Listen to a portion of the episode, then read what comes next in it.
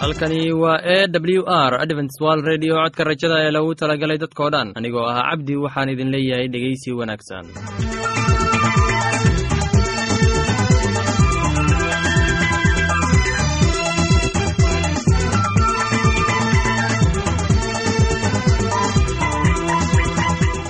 barnaamijyadeena maanta waa laba qaybood. Qaybta kuwaad waxaad ku maqli doontaan barnaamijka nolosha qoyska. Kadib waxaa inoo raaci doonaa cashar inaga yimid bugga nolosha. Dhegeystayaasheenna qiimaha iyo qadarinta mudano waxaan filayaa inaad si habboon u dhegeysan doontaan. Haddaba haddii aad qabto wax su'aal ama talo iyo tusaale oo ku saabsan barnaamijyadeena maanta fadlan inala soo xiriir. Dib ayaynu kaga sheegi doonaa ciwaanka yagu balse intaynan u guuda gelin barnaamijyadeena xiisaa leh. Waxaad marka hore ku soo dhowaataan. Heestan daabacsan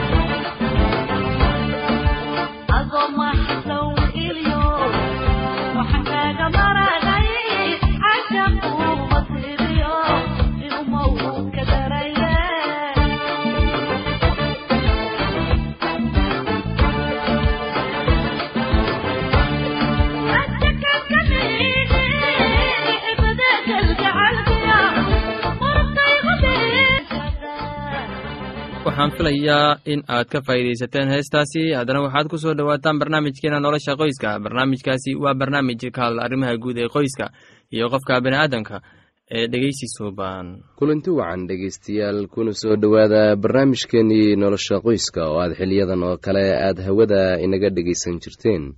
Maantana mowduuceena wuxuu ku saabsan yahay dhar mayrista iyo sida loo hagaajiyo qof ayaa hadda ka hor yidhi waxyaabaha wanaagsani waxay kaaga dhow yihiin neefsashada duleedada sankaaga nuurka indhahaaga ubaxa cagahaaga waajibkaaga oo aad gacmahaaga ku gudato markaad waddada rabbiga qaad oo mar. Kadibna ha haban xidigaha laakiin qabo waxyaabaha guud oo siday kuugu kala dhow yihiin u qabo howl maalmeedka iyo nolosha waxay ka tirsan yihiin nolosha ugu macaan. Gudashada howlmaalmeedka waa farxad oo ku jirta dhammaystirku. Xusuuso si aad u samayso waxyaabahaas waxay ka badan yihiin waxa aad samayso meelaynta habka dhardhaqista ee guriga adduunyada wax badan baa iska beddelay dadka qaarkiis waxay dhigtaan qolka qubayska qaar kalena makiinadda dharka dhaqda ayay dhigtaan kushiinka. Qaar kalena waxay ku mayraan dibadda guriga iyagoo isticmaalaya baaf. Meesha ay kuwo kalena aadaan webiyada iyo harooyinka ama ceelasha si ay dharkooda ugu soo mayraan. Haddaba intaas oo dhan dunida oo dhan way ku kala duwan yihiin qaar ayaa weli waxay isticmaalaan waxyaabihii hore ee caadooyinka ahaa ee dharka loo meyri jiray. Qaarna waxay isticmaalaan kuwo kale mashiino ah oo casriya kuwaas oo u baahan in hal mar lagu rido dharka iyo oomada iyo saabuuntaba kadibna isla ayaga ayaa loo isticmaali karaa in lagu qalajiyo. Haddaba waa maxay waxa dhammaystiridda ay u baahan tahay waa sidee sida ugu wanaagsan uguna qarashka fudud. Waxaad raadisaa waxa aad u baahan tahay iyo sidaad u soo saari lahayd marka aad dhar mayrayso waa maxay waxyaabaha ku xidhiirsan dharmayrista? Tani waxay u baahan kartaa ugu yaraan afar waxyaabood oo muhiim ah kuwaas oo kale ah. Kala saaridda dharka mayrista dharka qalajinta iyo feeraynta dharka mid kasta oo ka mid ah afartaas siyaabood ee lagaaga baahan yahay waa wax muhiim u ah marka dharka la mayrayo. Waxaa loo baahan yahay in afartaas waxyaabood aad mar walba qalbiga ku hayso marka aad dharka aad dhaqayso. Aynu ku bilowno kala saarista. Maxaad u baahan tahay haddaba marka aad dharka kala saarayso? Natiijada ugu wanaagsan u kala saar dharka inta isku midka ah kuwaasoo laysla mayri karo. Tusaale ahaan dharka inta cad inta nayloonka ah dharka suufka ah dharka aan feerada u baahnayn iyo dharka kale ee aadka u culus ee isku kalarka ah. Haddaba waxaa loo baahan yahay in la kala sooco dharka. Waa in inta isku mid ah gooni loo saaro. Marka aad kala saarto fatash jeebabka oo dhan oo ka soo saar waxyaabaha ku jira. Haddaba waxaa loo baahan yahay in waxyaabaha jeebabka ku jira sida waraaqaha dukumentiga ah ama waxyaabaha kale in dhammaan jeebka laga saaro oo meel qalalan la dhigo. Waxaa dhacdaa mararka qaarkood in dad badani ay jeebabka ku iloobaan waraaqo muhiim u ah ayagoo had iyo goorba jeebka gashanaya waraaqaha kuna iloobaya haddaba waxaa loo baahan yahay inta aan dharka la mayrin in laga soo saaro waxyaabahaas si aan loo baabi'in. Ka baar sidoo kale waxyaabaha ku daata dharka waxyaabahaas oo ay dhici karto in loo baahan yahay in marka hore la nadiifiyo inta aysan kuwa kale gaarin. Waxaa ka mid ah waxyaabahaasi matalan saliidda ama oolyada ama rinjiga waxaa laga rabaa inaad ku bilowdo adoo dhammaan shaararka iyo fanaanadaha mayraya ka hor saraawiisha iyo goonooyinka iyo dharka kale ee culus. Sigsaanta waa in gooni loo mayro si aysan kuwa kale u wasaqayn.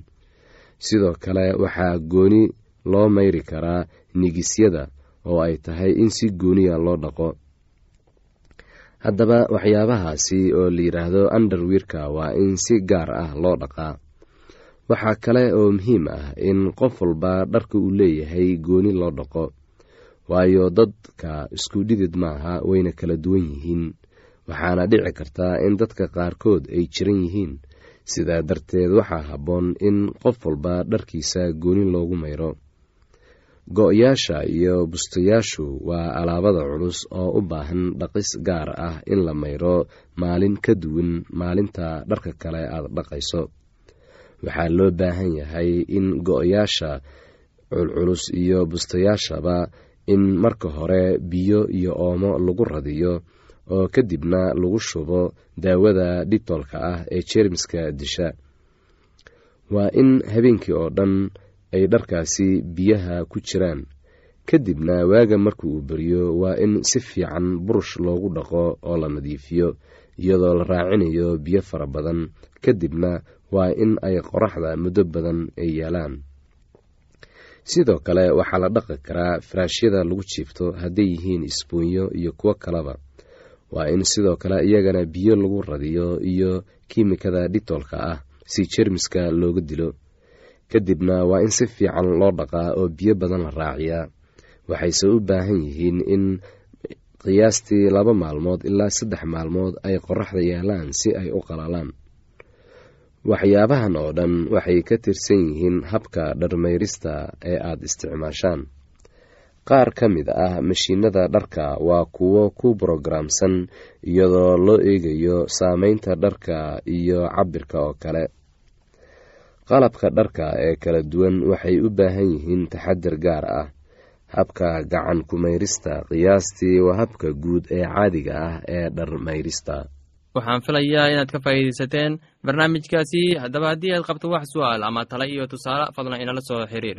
Ciwaanka yagu waa codka rajada sanduuqa boosada afar laba laba todoba lix nairobi kenya. Mar labaad ciwaanka yagu waa codka rajada sanduuqa boosada afar laba laba todoba lix nairobi kenya. Imeilka yagu waa somali at a w r o r g mar labaad imeilka yagu waa somali at a w r o r g ama barta internetka ciwaanka yagu oo ah w w w codka rajada dot o r g mar labaad ciwaanka yagu waa w w w codka rajada dot o r g ama waxaad inagala soo xiriiri kartaan barta emesonka ciwaanka yagu oo ah codka rajada at hotmail dot com. Haddana kabawasho wacani heestanii soo socota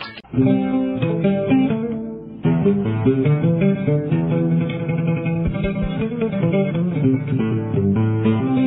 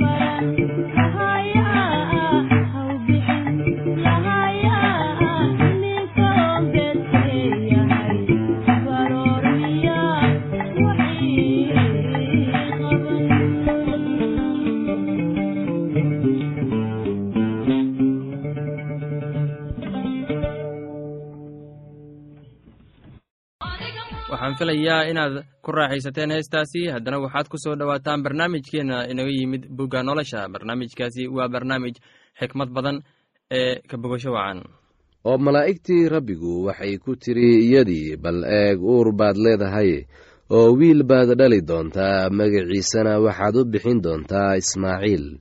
Maxaa yeelay rabbigu waa maqlay dhibaatadaadii oo dadka dhexdiisa wuxuu ku noqon doonaa sida dameer banjoog ah. Gacantiisu nin walba gees bay ka noqon doontaa oo nin walba gacantiisuna gees bay ka noqon doontaa isaga. Wuxuuna degganaan doonaa walaalihiis oo dhan hortooda oo waxay magicii rabbigii la hadlay iyada u bixisay waxaad tahay ilaaha wax arka waayo waxay tidhi weliba miyaan halkan ka arkay weliba miyaan halkan ka arkay kan i arka. Sidaas daraaddeed ceelkii waxaa loo bixiyey bicir laharyoor bal eeg wuxuu u dhexeeyaa kaadesh iyo bered oo xageer waxay abrahm u dhashay wiil oo abramna wuxuu wiilkaasi xageer dhashay u bixiyey ismaaciil. Abramna wuxuu jiray lix iyo siddeetan sannadood markii ay hagaar ismaaciil u dhashay abram oo markuu abram jiray sagaal iyo sagaashan sannadood ayaa rabbiga u muuqday oo wuxuu ku yidhi waxaan ahay ilaaha qaadirka ah hortayda ku soco oo mid eed la ahow oo axdigaygan kula dhigan doonaa oo aniguna aad baan ku tarmin doonaa markaasuu abram wejiga u dhacay oo ilaah baa la hadlay isagoo ku leh bal eeg axdigaygii waa kula jiraaye oo adigu quruumo badan baad aabbe u noqon doontaa. Magacaagana mar dambe lama odhan doono abram laakiin se magacaagu wuxuu noqon doonaa ibraahim. Waayo waxaan kaa dhigay quruumo badan aabbahood. Aad baanan ku badin doonaa oo quruumo baan kaa samayn doonaa. Boqorona way kaa soo bixi doonaan. Oo axdigayga waxaan ku adkayn doonaa dhexdaada iyo farcankaaga kaa dambeeyaba tan iyo qarniyadooda oo dhan waana axdi weligiis waara.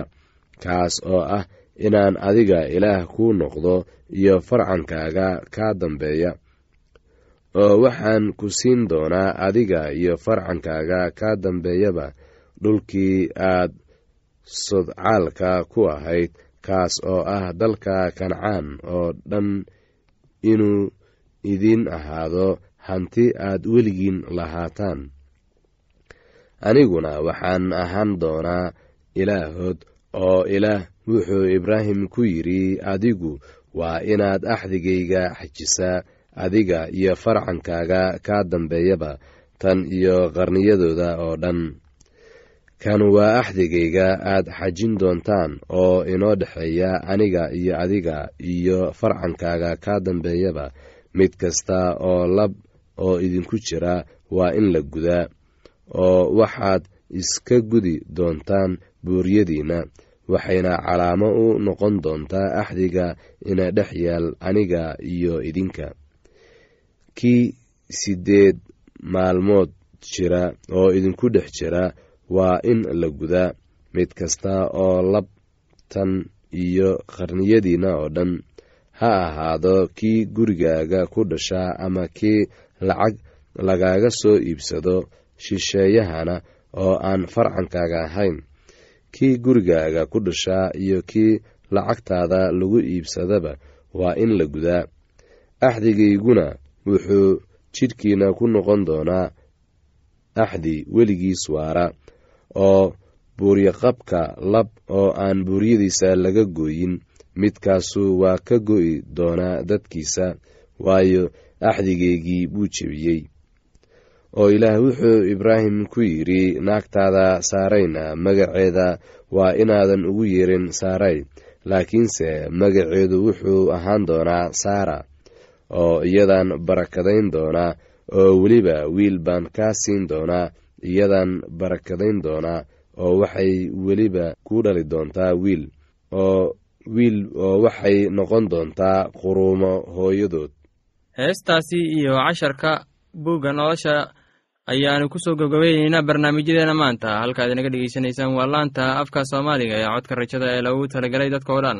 Haddaba haddii aad doonayso inaad wax ka faa'iidaysataan barnaamijyadeena sida barnaamijka caafimaadka barnaamijka nolosha qoyska iyo barnaamijka kitaabka quduuska fadlan inala soo xiriir. Ciwaanka yagu waa codka rajada sanduuqa boosada afar laba laba todoba lix nairobi kenya. Mar labaad ciwaanka yagu waa codka rajada sanduuqa boosada afar laba laba todoba lix nairobi kenya. Imeilka yagu waa somali at a w r o r g mar labaad imeilka yagu waa somali at a w r o r g ama emesonka oo ah codka rajada at hotmail com. Mar labaad emesonka yagu waa codka rajada at hotmail com. Ama barta internetka ayaad ka akhrisan kartaan barnaamijyadeena iyo ka maqasha sida w w w dot codka rajada dot o r g dhegeystayaasheena qiimaha iyo qadarinta mudan oo barnaamijyadeena maanta waa naga intaas. Tan iyo intaynu hawada dib ugu kulmayno. Waxaan idin leeyahay sidaas iyo ammaano allah Thank you.